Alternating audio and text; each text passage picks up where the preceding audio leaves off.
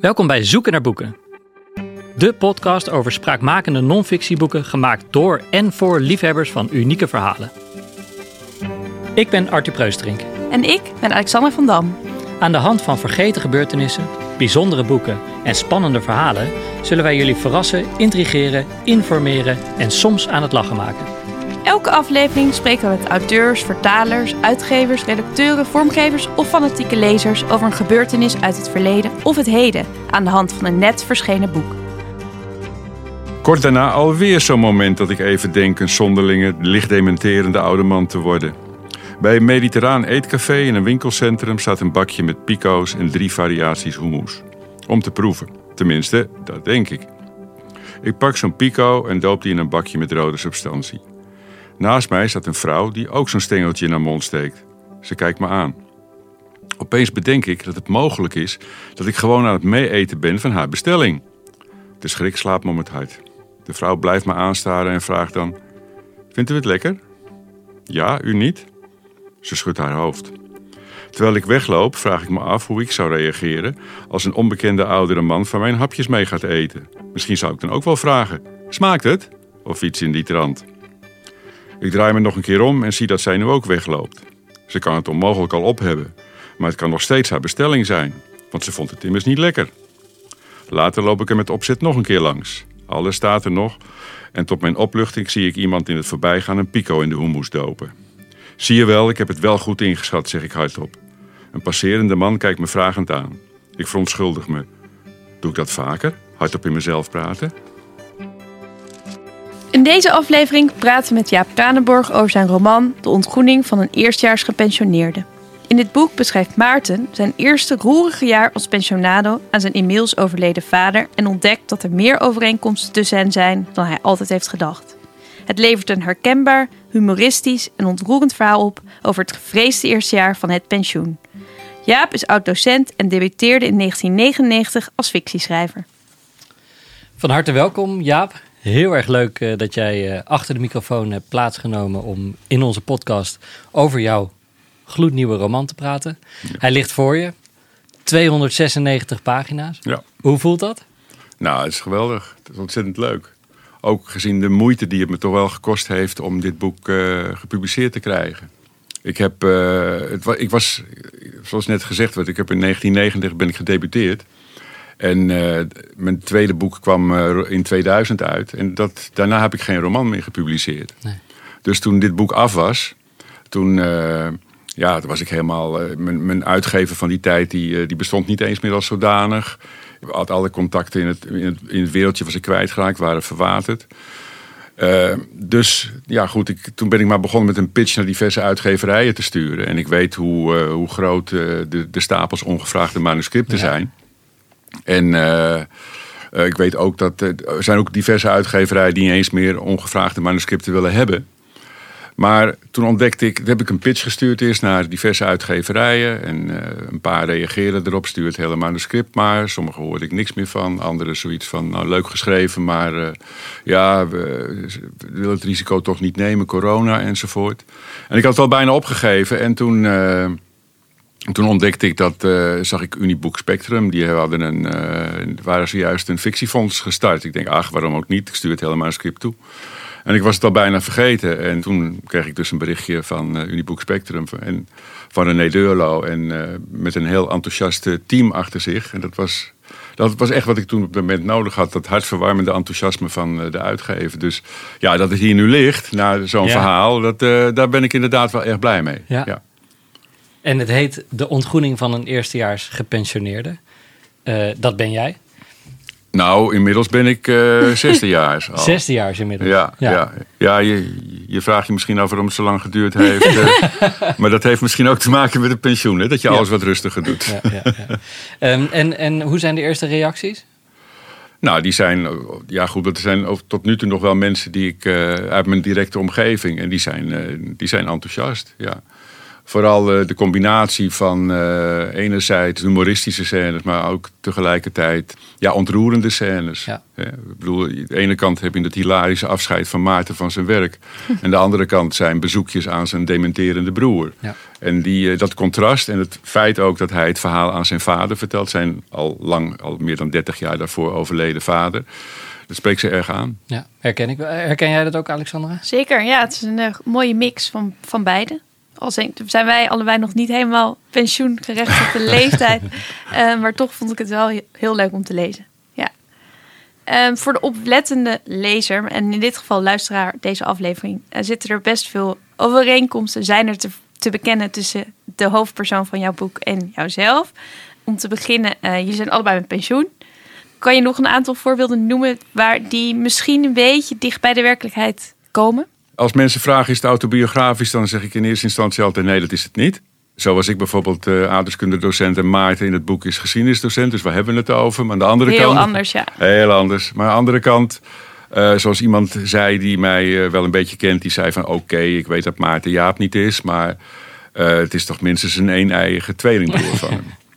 En daar kan ik me wel in vinden met die kanttekening dat een een-eigen tweelingbroers natuurlijk totaal verschillende levens kunnen leiden. Maar Ja. goed, eh, mijn leven en dat van mijn eerste jaar en dat van Maarten in het boek, dat stemt voor een groot deel overeen. Alleen, ik heb er wel dingen bij verzonnen. En Ja. hij is ook niet mijn persoon. Misschien de manier naar de wereld kijken wel een beetje.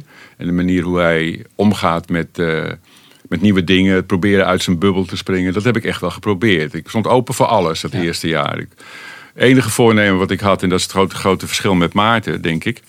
Het enige voornemen wat ik had, dat, dat was dat ik wil- wilde gaan schrijven. Want daar was een beetje de, de klad ingekomen. En de, Maarten schrijft niet. Dus dat is nog wel een verschil. Maar, en dat heeft ook een deel van mijn tijd natuurlijk ook wel gekost. Zeker.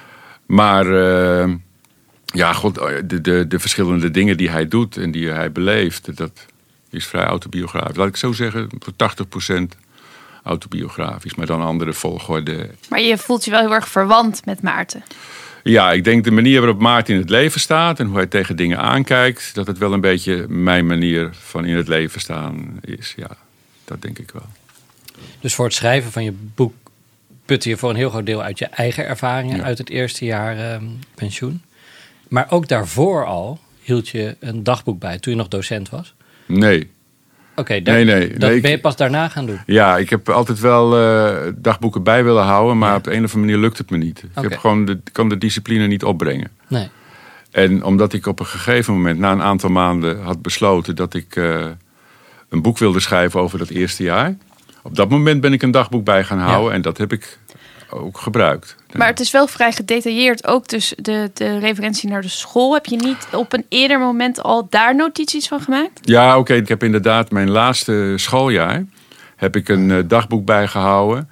En dat heb ik eh, uiteindelijk heb ik dat eh, ja echt dat was echt een dagboek en dat heb ik als afscheidscadeautje naar mijn voormalige collega's gestuurd bij mijn afscheid. Het was gewoon hoe, hoe ik mijn laatste jaar heb ervaren en alles wat ik heb meegemaakt dat laatste jaar. En dat is waar, ja. Toen, dat, dat is de enige keer dat ik dus echt een dagboek wel heb Ja, ja, ja. bijgehouden. En eh, toen ik aan het denken was van wat zal ik nou gaan schrijven, eh, dat jaar dat ik met pensioen ben. Toen dacht ik van, nou, ik vond het eigenlijk wel heel leuk om dat te schrijven voor mijn collega's. Misschien moet ik dat nu ook gewoon gaan doen, maar dan voor een veel breder publiek. En was dat ook eh, deze herkenbare stijl die we eerder al noemden? Die hilarische of toch wel geestige manier van naar de wereld kijken? Ik denk het wel, ja. Dat je ook bepaalde scènes van school zo beschreef? Ja, ik denk wel dat het, eh, het ligt wel, dit boek ligt wel in het verlengde van dat dagboek. Alleen hier heb ik een heel andere vorm voor gekozen. En du- dus je hebt een hoop aantekeningen gemaakt, ook in je eerste pensioenjaar. Toen ik besloten had, dus zeg maar na een maand of vier of zo, ben ik begonnen met gewoon alles op te schrijven wat ik vanaf dat moment Ja. meemaakte. En schreef je het dan ook al zo gedetailleerd op zoals het in het boek is gekomen? Of, of was het meer eh, grote lijnen, eh, ik ben nu begonnen met dit project? Of, Ja, meer gedachten hè, om Ja. ze vast te houden. En ook een beetje, eh, toch ook een beetje beschrijvingen van de situatie. Want dat vergeet je natuurlijk ook alweer gauw. Want dat is, dat is wel een beetje raar. Dat heb ik gemerkt dat ik met pensioen ben. Kijk, toen ik nog werkte, je had me gevraagd... wat heb je vorige week dinsdag gedaan? Dan kon ik dat zo zeggen, want was ik aan het werk... had ik waarschijnlijk die en die klas enzovoort en die vergadering. Ja. Terwijl als je met gepensioneerd bent, je doet elke dag iets anders... en je vraagt me, wat heb ik vorige week dinsdag gedaan? Moet ik echt even nadenken. Ja. En uh, ja. Is dat omdat de dagen wat meer op elkaar lijken? Dus dat je minder eikpunten hebt waar je het aan Precies. Precies, je hebt geen eikpunten meer. Beetje zoals omdat... coronajaar, dat je dacht corona twee jaar, dat je gewoon alles leek één blur, want alle dagen waren hetzelfde. Ja, maar dat is het werk van mij dus zeg een beetje. Terwijl het pensioen juist, ja. er zijn wel grote verschillen, maar juist door die verschillen heb je die eikpunten ook niet meer. Nee. Er is een, eh, een uh, stuk in het boek, en uh, dat is misschien, we hadden het net over of het wel of niet autobiografisch is geschreven. En een van de eerste grote projecten die Maarten, de hoofdpersoon, onderneemt, dat is uh, zijn trip naar Denemarken. Ja. Um, hij heeft daar vijf jaar gewoond. Vroeger, hè, toen hij jong was. Toen hij jong was, ja. absoluut. Uh, ik vond het geestig, want ik kwam een stukje tegen waar een uh, zogeheten tongbreker in zit. Iets wat de Denen zeggen, nou, als je, als je dit zinnetje goed kan uitspreken. Ook gewoon met. Ja. Oké, okay, wij hebben geoefend, oh, Arthur en ik, maar ik kon dit er niet van maken. Nee, ik maakte ervan uh, Rutgrut met fleuren. Ja, het is een beetje de, de Zweeds of Noorse manier om het te zeggen. Maar als je het in Deens wil zeggen, Deens heeft ontzettend, slikt ontzettend veel in en heel veel zachte klanken. Ja. Rol, krul, met fleur. Nou, ja, En wat betekent het? Het betekent aalbessen met room. Ah, dat hadden we wel goed. Ja, Leuk. En, en is dat lekker? Bestellen mensen dat ook vaak om te laten nou, zien dat ze het kunnen? Ik weet niet of ze het nog... Het is wel een beetje... Het was vroeger. Ja, Zo'n toetje van vroeger. Ouderwets toetje. Ja, ik weet niet of het nog wel... Maar het is een beetje de Scheveningen testen in Nederland, hè? Ja. Ja, ja nou, wat mij betreft uh, geslaagd. Ja, ik spreek geen Deens, dus ik kan niet beoordelen hoe goed dit was. Maar ik vond het uh, goed klinken in ieder geval. Ja.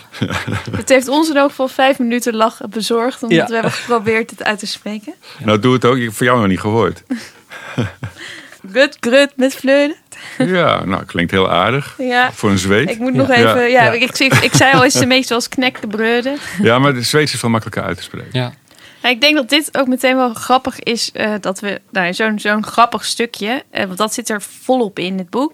Vooral de, de typetjes die jij, of niet jij, maar jouw hoofdpersoon ontmoet, zijn vaak uh, vrij markant. En tegelijkertijd zitten er ook veel scènes in uh, die juist iets melancholisch hebben. Uh, en soms ronduit verdrietig. Vooral het personage van de, van de broer, ja. Rogier. Ja, daardoor lees je dit boek denk ik met... Nou, ik weet niet of met een traan leest, maar wel met een lach en een beetje een zwaarder gemoed. Is dat ook typerend voor jouw stijl? Uh, die soort die, die twee kanten. Dus niet alleen maar de lachers op je hand willen hebben, maar ook uh, ja, misschien de andere kant van de medaille laten zien?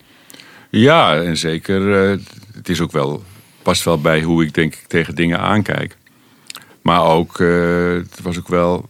Kijk, ik wilde dat eerste jaar beschrijven. En dat eerste jaar was een lach en een traan. Het eerste jaar had heel leuke dingen. En dat eerste jaar had ook heel droevige dingen. Want net, toen ik net met pensioen was, raakte mijn broer dus echt in. verslechterde enorm. Want die, die verhaallijn is dus wel weer een klein beetje autobiografisch. Ja, die, die verhaallijn van mijn broer en die, ook die van mijn vader, die persoon heb ik vrij authentiek opgevoerd. En, maar het feit dat, dat hem dat juist overkwam, terwijl ik net zoiets had van, nou jongens, mijn pensioen begint een nieuwe levensfase. Ja. Waarbij je tegelijk in je achterhoofd hebt van, uh, nou ja, het is wel de eindfase, hè, de, daar schrijf ik ook over. En dan gebeurt er zoiets in je directe omgeving. En ja, dat, dat bracht wel die traan met zich mee. Ja. Wat die typetjes betreft trouwens, daar had ik... Uh, de eerste versies heb ik aan mijn vrouw en mijn zoon laten lezen. En die hadden nogal wat kritiek over. Die zeiden, je komt alleen maar rare typetjes tegen. en dan heb ik... Nou ja, goed, had ik zelf zoiets van... Ja, maar die kom ik gewoon ook tegen. Dus uh, waar hebben jullie het over? Maar het heeft me wel aan het denken gezet. Dat het misschien ook inderdaad wel iets zegt over de manier waarop ik tegen mensen soms neig aan te kijken. En daardoor heb ik hem Maarten ook meer zichzelf laten bevragen. Ook van als hij problemen heeft, van, wordt hij niet een grumpy old man bijvoorbeeld? Is hij niet te negatief tegenover zijn medemens? Dus mijn eigen manier van kijken heb ik bij Maarten misschien nog wel eens een beetje aangepast, zou je kunnen zeggen. Maar je kan ook zeggen dat, dat uh, de uh, observaties die je, die je doet op mensen en eigenlijk ook op, op je omgeving en op sfeer. Op, uh, het boek is heel gedetailleerd en, en er komen niet alleen in de typetjes komen dat soort observaties naar voren, maar ook in de scènes, de, de, de hele scène die geschetst wordt. Ja, je kan je heel goed voorstellen, ook als je dus nog niet met pensioen bent, kan je heel goed voorstellen, dankzij jouw observerende blik misschien wel, hoe dat eruit moet zien. Uh, ik vond zelf bijvoorbeeld een scène waarin de hoofdpersoon uh, colleges gaat volgen aan de universiteit. En dan dus de, de klasgenoten beschrijft en de docent. Ja, ja ik, ik kon me dat vrij beeldend voorstellen. Leuk, ja, je begint gelijk te lachen. Ja, haal- haalde je ook tijdens het schrijven zoveel plezier uit die... eh, Ja, ik, Type creëren. ik moet zeggen dat die typetjes niet allemaal eh, authentiek zijn. De docent een beetje. Ja. Maar eh, die was het was ontzettend echt ideale. En Want er jij hebt dus ook echt college gevolgd. Ja, ja, ja, veel meer dan ik in het boek beschrijf. In het boek volg ik alleen maar psychologie, maar ik heb ook heel veel biologie gedaan. Bijvoorbeeld een oude liefde van me. Maar deze vond ik het meest sprekend. En deze heb ik ook in het eerste jaar vooral gedaan. Ik had eerst nog veel meer van die colleges ook nog eh, geschreven. Maar het is wel grappig hoor, want je zegt van, eh, dan kan je erin verplaatsen. Maar die colleges verschillen echt niet zo van eh, een gemiddelde middelbare schoolklas. Ook hoe mensen met elkaar omgaan en hoe de docent zich gedraagt enzovoort. Het is echt niet zo anders. Maar dat is dus grappig, want Ja. in je werkende leven stond je voor de klas. Ja. Eh, nu kijk je dus naar de docent en naar je klasgenoot. Dat lijkt me toch wel een wezenlijk andere rol. Of keek jij ook naar je leerlingen? Eh, soms. Ja, ik had altijd wel lol met mijn leerlingen. Ik had ook wel lol om hoe ze deden. Ja, hoort er wel bij. Dat, daarom vond ik het ook zo leuk om les te geven. Dat, eh, het werkt aan twee kanten. Ja. Ja, Maar de, echt dat observerende en dat, ja, ik vond dat frappant. Want ik denk niet dat elke auteur of elke nou, eh, redacteur of elke persoon dat heeft. Dat je zo de werkelijkheid bijna bevraagt en onderzoekt. En dat weer vormgeeft in een verhaal. ja ik kan niet zeggen dat ik, dat ik daar speciaal moeite voor doe. Dat klinkt misschien Nee. arrogant, maar eh, dat is niet zo bedoeld. Ik bedoel, dat, ja, zo, schrij- zo zie ik het en zo schrijf ik het op. Ja, dat is leuk. Werkt Ja. goed, vind ik. Ja. Ehm, een minder vrolijke kant, want we hebben het natuurlijk wel heel erg over de, de hilariteit. En dat zit er zeker in. Maar ik denk, we moeten ook weer niet eh, de verkeerde indruk van dit boek schetsen. Want het is niet alleen maar lachen, gieren, brullen. Er zit ook zeker wel een, een diepere laag in. Waarbij de hoofdpersoon worstelt met, eh, zoals hij het zelf volgens mij noemt, eindfasegevoelens. Eindfasegevoelens. En ook de herfsttijd, dat komt er ook in voor. ja. Kan je ons daar iets meer over vertellen? Eh, wat Nou, wordt daarmee bedoeld? Ja, eh, kijk, op het moment dat ik nog werkte, wist ik wel natuurlijk, ik was eh, 64 toen ik met pensioen ging. Bijna 65. En eh, ja, goed, ik, ik wist wel, ja, ik ben 64, oké, dat is niet, je bent niet de jongste meer. Maar dat werk, doordat je gewoon alledaagse dingetjes om je heen had, en eh, dat, dat schermde je als het ware een beetje af van dat je eh, op het moment dat je met pensioen gaat, in die eindfase terechtkomt. Je voelt je opeens naakt en weerloos, zou je kunnen zeggen, tegenover ja, het einde, wat het ook mogen wezen, staan. Het kan, kan heel kort duren, het kan ook nog tientallen jaren duren, je weet het allemaal niet. En juist omdat je in zo'n periode komt waar eigenlijk geen duidelijk einde is, eh, ga je daar meer over nadenken. Althans dat, althans, deed ik. En ik weet van mijn vader dat hij dat ook heel erg had. Dat is ook een van de aanleidingen geweest dat ik denk van... hé, ik ga het aan mijn vader vertellen. Want hij vertelde mij toen wel eens over dat soort gevoelens. En eh, toen had ik zoiets, ja, ik was net 30 geworden. Ik bedoel, daar kon ik me echt niet in verplaatsen. Dat eh, had ik helemaal geen zin in om me daarmee bezig te houden. Maar op dat moment dat ik dus zelf in die situatie zat en zelf in die eindfase was beland. Want dat ben je gewoon ook. Hè? Het, het werk is afgesloten en het is een heel leuke fase. Laat ik dat vooropstellen. Je moet ook niet somber over doen. En Maarten heeft in dat boek eh, daar misschien een weekje dat hij daar echt even last van heeft. En daarna komt het nog wel eens een keertje terug. En zo heb ik het zelf ook wel gehad. En de situatie met mijn broer versterkte dat ook nog een keertje natuurlijk. Maar ja, dat, eh, dat zijn wel dingen, denk ik, waar heel veel oudere mensen ook wel mee te maken krijgen. Ja. En is het dan ook omdat je je opeens realiseert van, nou, oké, eh, ja, misschien bot gezegd, maar het grootste deel van mijn leven heb ik gehad. Ja, natuurlijk. Maar het en, is ook zo. En, en wat ga ik doen met die tijd die ik nu heb? Ja. die tijd die nog voor me ligt. Hoe lang die ook mag duren, dat weet ik niet precies. Maar Nou, maar dat, dat, dat, dat zegt Maarten op een gegeven moment ook. Hè. Dan heeft hij het over de pensioenparadox. Dat je aan de ene kant het gevoel hebt van... nou, ik, eh, ik heb een onbeperkte hoeveelheid tijd. Zoveel tijd dat ik daar echt iets voor moet bedenken. Hè. Zoals Maarten dat noemt, ten stok om van die enorme Ja. labvrije tijd... een bewoonbare tent te maken. Maar tegelijkertijd heb je ook, omdat die onzekerheid... die er natuurlijk altijd is, je hele leven is die onzekerheid. Maar op dat moment voel je het misschien wat meer. Omdat die onzekerheid is, heb je tegelijkertijd het gevoel van... ja, ik heb, eh, ik heb eigenlijk wel... Wat moet ik, ik, ik heb, hoeveel tijd heb ik eigenlijk maar? Ja. Toch een gevoel van schaarste en, en, en, en overvloed tegelijk. Grappig, terwijl je dit vertelt, denk ik opeens aan de eerste dag van mijn vaders pensioen. Dat mijn moeder had bedacht dat het heel leuk was om dan samen een kopje koffie buiten de deur te gaan drinken. en dat hij dat aan mij vertelde en zei: Ja, ik zag alleen maar jonge moeders met baby's of hele oude mensen. En ik Ja. voelde me geen van beide. dat vond Ja. ik geen succes. Maar dat is natuurlijk ook dat vorm Ja. moeten geven. Maar het grappige is, dat heeft je vader misschien ook gehad. Op een gegeven moment ga je de nuances zien. Hè? Want ik ga heel vaak naar de bioscoop, bijvoorbeeld overdag. Dat vinden mensen soms een beetje, we gaan je overdag naar de bioscoop, maar goed. Heerlijk Daar- lijkt het dat- me. Het is heel leuk hoor. Ja. En zeker als het slecht weer is. Ja, En daar zitten dus overwegend door de week zitten daar heel, heel veel ouderen. Maar je ziet op een gegeven moment echt wel het verschil tussen al en bij, de, bij die colleges ook tussen de verschillende groepen ouderen. Ja. Ik bedoel, je voelt je op een gegeven moment zelf weer jong, omdat er veel, veel oudere mensen zijn. Die Ja. nuances ga je zien, die zien jullie niet. Want jullie zijn jong, maar die zie ik op een gegeven moment wel. Ja. denk je dan ook, yes, ik, ik, ik voel me verwant met die bepaalde groep. Of, Eh, nou, ik heb er ook. Maarten krijgt op een gegeven moment problemen met zijn hart. Hè? ja, Dat heb ik zelf niet hoor. Maar goed, dat, eh, dat, daar, dat, want hij heeft dat ja. gevoel eerst wel. Hè? Hij voelt zich eigenlijk een beetje ver boven die andere oudere Ja. mensen bij de HAVO staan. Maar dan krijgt hij het aan zijn hart. Precies op het moment dat hij daar in die collegebanken zit. En dan wordt hij eigenlijk een beetje op zijn plek gezet. Dat heb ik er wel bewust ingevoerd. Juist omdat dat idee van... eh, oh jongens, bij mij, ik ben veel voel jonger dan die anderen. Ik ga op mijn e-bike de stad Precies. door. Nou, op een gewone fiets. Ja, ja, ja. Ik word toch vaak ingehaald door e-bikes. En dan, ja ik ook. Ja. Ik ook. Maar ik heb er nog geen één. Ehm, hij is al een paar keer ehm, aan bod gekomen. De vader van Maarten, aan Ja. wie het grootste deel van het verhaal eigenlijk verteld wordt. En er worden heel veel parallellen getrokken met, met het pensioen van, eh, van de vader van Maarten. Ehm, wat ik daar leuk aan vind, is dat je ook een soort inkijk krijgt, misschien in de verschillende generaties. Dus hoe het vroeger was toen jouw vader met pensioen ging en Ja. hoe het is om nu eh, met pensioen te gaan. Heb, heb ik dat er goed uitgehaald? Of, of is dat. Dat is wel een beetje het idee geweest. In ieder geval ook de tijd waarin het was. En Ja. hoe je er toen tegenaan keek. Bijvoorbeeld ook het feit dat mijn vader... die, eh, die moest gewoon stoppen toen hij 65 was. Ik weet dat het op universiteiten en zo nog steeds zo is. Maar een heleboel banen is dat natuurlijk al lang niet meer zo. In het middelbaar onderwijs in ieder geval niet. En eh, dat hij dat eigenlijk heel erg vond. Want hij had veel liever door willen werken. Dus dat is, in die tijd was dat meer normaal. Dat je, je hield er gewoon mee op als je 65 was. Je Ja. kreeg je AOW en eh, je pensioen. En eh, verder vermaak je je maar. Maar goed, dat is natuurlijk nu wel anders. Ja. Heel veel mensen die, die willen maar met pensioen, maar kunnen het niet. Ja. En op het moment dat René, eh, mijn collega, vertelde over dit boek. En, en die vertelt dan in grote lijnen. Want René is de redacteur van dit boek. Ja, Ja. precies. Die vertelde, in grote lijnen waar het over gaat. Ehm, en, en daar kwam het, het verhalende naar, jouw va- of naar de vader van Maarten eigenlijk ook eh, in terug. En toen dacht ik eigenlijk dat het een eh, soort eh, trots verhaal naar een vader zou worden.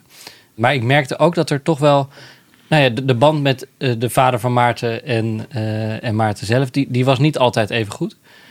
Nee, niet in zijn puberteit. Nee, Nee. dat beschrijft hij ook. Ja, eh, precies. Ja. En toch heb je ervoor gekozen om, om de rol van de vader eigenlijk heel groot in het, eh, in het boek eh, te maken. Ja, maar dat komt eigenlijk omdat ik ehm, de vader, en ik heb al gezegd dat hij vrij sterk overeenkomt met mijn eigen vader, maar de rol van dat mijn eigen vader, ik herinner me hem vooral heel goed toen hij met pensioen was. Ja. En eigenlijk als ik terugkeek, eh, ik was inmiddels dus ook 65 geworden en, eh, en ik voelde toen eigenlijk wel een, eh, een band met hoe hij toen was. Meer dan toen hij nog mijn vader was eigenlijk. Hè? En ik nog eh, jong- was. Ik heb nooit echt veel problemen met mijn vader gehad. Hoor. Ik heb een heel goede, helemaal geen problematische relatie met mijn vader. Maar die tijd voelde ik echt... Dat is eigenlijk misschien het moment in, in onze levens... dat ik het meest met hem verwant voelde. Al was hij al 30 jaar dood. Maar toch Ja. wel, Ja. zoals hij was in zijn pensioen... Ja, ik denk van shit, dat, zo voel ik het nu eigenlijk ook wel een beetje. Ja. En tegelijkertijd dacht ik ook wel toen ik las... het is ook gewoon een prachtig stilistisch middel... om een verhaal op te Zeker, tekenen. ja. Dat je je verhaal vertelt aan een... nou ja, fictief persoon is het dus niet helemaal... maar ja, het is bijna als een soort brief. Of, Ja, maar je mag hem als fictief persoon beschouwen. Want dat is Ja. het in het boek natuurlijk wel. Ja. Ja, alleen hij paste er gewoon heel goed in. En daarom denk ik, nee, ik kan hem gewoon gebruiken. Ja. De dingen die hij opgeschreven heeft, aantekeningen die hij heeft gemaakt... kan ik gewoon in het boek stoppen. Dus eh, ja, dat is zo, ja. En ook wat ik zelf ook dacht van... kijk, als ik het alleen maar gewoon opschrijf wat ik meemaak... dan wordt het echt alleen maar het verhaal van mij. Ja. ja. En op het moment dat ik het aan iemand vertel, krijgt het toch iets universelers. Hè, dan wordt het toch, je trekt de tijd in. En ja, pensioen is natuurlijk iets wat in het leven van de moderne mens eh, al decennia een heel grote rol speelt. Een heel belangrijk mijlpaal in het leven is. Zeker. Ja. En op die manier trek je het toch een beetje uit het eh, nu en de ik-persoon alleen. Ja. Nou, het boek is nu af. Het ziet er heel mooi uit. We zien een illustratie van een man op een bankje. Zijn bril ligt nog op de grond. Ehm, en er zit een vogel op een tak in de boom. Uh, volgens mij, vogels spelen in het boek ook een belangrijke rol. Ja. En uh, je beschreef al dat het schrijven van een boek... of het tijd hebben voor het schrijven van een boek... een van de grote um, wensen was voor het pensioen. Ja. Dus hiermee is weer een pensioenproject afgerond. Liggen er nog andere projecten op de planken of uh, dingen die je op, op korte termijn wil gaan doen? Nou ja, ik ben op het moment dat ik dus, het heeft me ongeveer, nou, ik denk een half jaar gekost. En dat was toevallig ook het coronajaar dat het net begon, 2020. Voordat uh, dus contact had met de uitgever. Ja. Ik ben toen ook in die coronatijd, omdat alles dicht was, uh, ook begonnen wel met uh, iets nieuws te schrijven. Ik kan er nog niet zoveel over vertellen, maar het gaat meer over hoe verschillende generaties omgaan in, in zo'n lockdownperiode met de tijd en met elkaar. Dus daar ben ik, uh, dat ligt nu stil, want ik uh, ben nu te veel met dit boek zit ik in mijn hoofd. En maar daar ga ik wel ligt gelukkig ook weer achter ons. Ja, voorlopig in ieder geval Ja. wel even, maar En misschien afsluitend, uh, want um, uh, ja, als je een boek schrijft over uh, een eerste pensioenjaar, dan word je toch ook een beetje deskundige op het pensioengebied natuurlijk. Ja. Heb je nog tips voor mensen die bijna met pensioen gaan of die, die er tegenaan lopen? Goh, wat moet ik met die, al die tijd? Allereerst natuurlijk, ga dit boek lezen. Tip 1. ik hoef het niet meer te zeggen. Nee, maar zou ik was- doen. Zou ik, zou ik ook doen. Ja, dit boek houd je even van de straat. Maar Maarten ziet op een gegeven moment een film. Een film die ik toevallig ook gezien heb. eh, van een Spanjaard, Don Quixote. En dat is een Spanjaard, die een heel oude man. En hij eh, heeft allerlei ziektes achter de rug. En eh, die, met zijn ezeltje trekt hij door Spanje. En die wil heel graag naar Amerika. Maar dat is niet zo makkelijk, want een ezel krijg je niet zomaar naar Amerika. En intussen zweeft hij rond en eh, vertelt hij verhalen aan mensen. En eh, probeert hij sponsors te vinden via filmpjes die hij op YouTube zet. Zo is die man ook wel weer. En dat vond ik eigenlijk een heel indrukwekkende film. Want dat laat eigenlijk zien. Die man is heel oud, die man is ziek. Maar die heeft een doel. En ik denk dat dat de kern is. Hè, zolang je een doel, en het hoeft helemaal niet, we hoeven allemaal met een ezel naar Amerika. Maar zolang je een doel hebt in je leven, en dat kan heel praktisch zijn. Stof een oude hobby af, kijk of het nog voldoet. Maar zorg dat je een doel hebt, want anders is het inderdaad achter de geranium, zoals het cliché zegt. Ja, Mooi. goede Toch? tip. Zeker. Ja. Over tips gesproken, bruggetje. Ehm, Heel aan- mooi, heel Ja, mooi. Aan het einde van de uitzending bellen we vaak even met eh Barend, Barend Wallet, uitgevend directeur van onze prachtige uitgeverij. En die geeft dan een eh, boekentip. Dus ik stel voor dat we dat eh, nu gaan doen. Heel goed. Met Barend. Hey Barend, wat fijn dat we je even kunnen inbellen in de podcast. Welkom. We hebben net een leuk Dankjewel. gesprek gehad met Jaap over, eh, over het pensioen en, en heel veel dingen daaromheen. Ehm, en we, hebben jou geïntroduceerd als boekenkenner en, en we willen heel graag weer een mooie boekentip van jou horen. Ja, ik had ik een beetje lachen, want ik zat te zoeken naar een bruggetje. Dus ik de hele middag al lekker een beetje over na te denken. Ja. Van het boek van Jaap naar het boek wat ik ga bespreken. Maar dat is er niet, dus laten we dat snel overslaan. Het zijn altijd bruggetjes. Ik vind altijd leuk. Nou ja, eh, vul me alsjeblieft zo meteen aan. Als je een bruggetje ziet van jouw boek naar het Doe boek ik. van de professor van eh, Chinese afkomst, maar nu professor aan een eh, prestigieuze universiteit in Amerika. Wat het Koninkrijk der Karakters heet. En de karakters als in een taalteken, zoals de Chinese taal is opgebouwd uit karakters. Anders dan wij de 26 eh, letters van ons alfabet hebben. En het is een heel bijzonder boek, omdat de, deze auteur, Ying Tzu heet ze. eh, de geschiedenis van de afgelopen 100, 150 jaar van China aan de taal verbindt. En hoe de taal zich ontwikkelde. En met bijvoorbeeld, hè, de- waar ik tot eh, een tijdje terug net over nadacht. Hoe kan eh, het Chine- de Chinese taal met al die karakters ooit op een soort eh typemachine of op ons toetsenbord eh, terecht zijn gekomen? En op welke manieren zijn, nou ja, hebben de Chinezen zich gemoderniseerd en op welke manier is hun taal gemoderniseerd? Het is een heel eh, rijk en verrassend boek over een geschiedenis waar ik nog niks van wist en waar ik heel blij van ben, waar ik nu meer van weet. En nu ben ik heel benieuwd naar het bruggetje wat jij erin ziet, Jaap. Want er zijn altijd bruggetjes. Ik heb een bruggetje Nou. bedacht. Misschien. Oh, jij hebt een bruggetje bedacht. Ik heb een bruggetje bedacht. Eh, de hoofdpersoon van jouw boek is leraar geschiedenis. Ja. Dus die had vast interesse gehad in dit boek. Ja, ja, klopt. Maar Ik goed. had, eh, Ja, en ik ben docent aardeskunde, vind ik het ook wel interessant. Ja, eh, ja. dus- Reizen Ja. vanuit eh, de leunstoel, toch? Ja, ik wou, ik wou eigenlijk zeggen van, nou ja, goed, dit is misschien dan de enige uitzondering waar er geen bruggetje is. Maar Ja, ja, ja. je hebt het toch gevonden. Grappig, ik moet zeggen dat in mijn hoofd was jouw hoofdpersoon Jaap, had eh, jouw oude beroep gekregen. Ik dacht dat eh, de hoofdpersoon weer aardrijkskunde was. Nee, Nou, dat dat was- is de... Feit, dat feit en fictie weer ver, eh, verwarren. Ja, maar dat is de eerste versie. Hè? Ik heb het later een docent geschiedenis Ah, gemaakt. kijk, Om het ah, toch een goed. beetje te verwarren.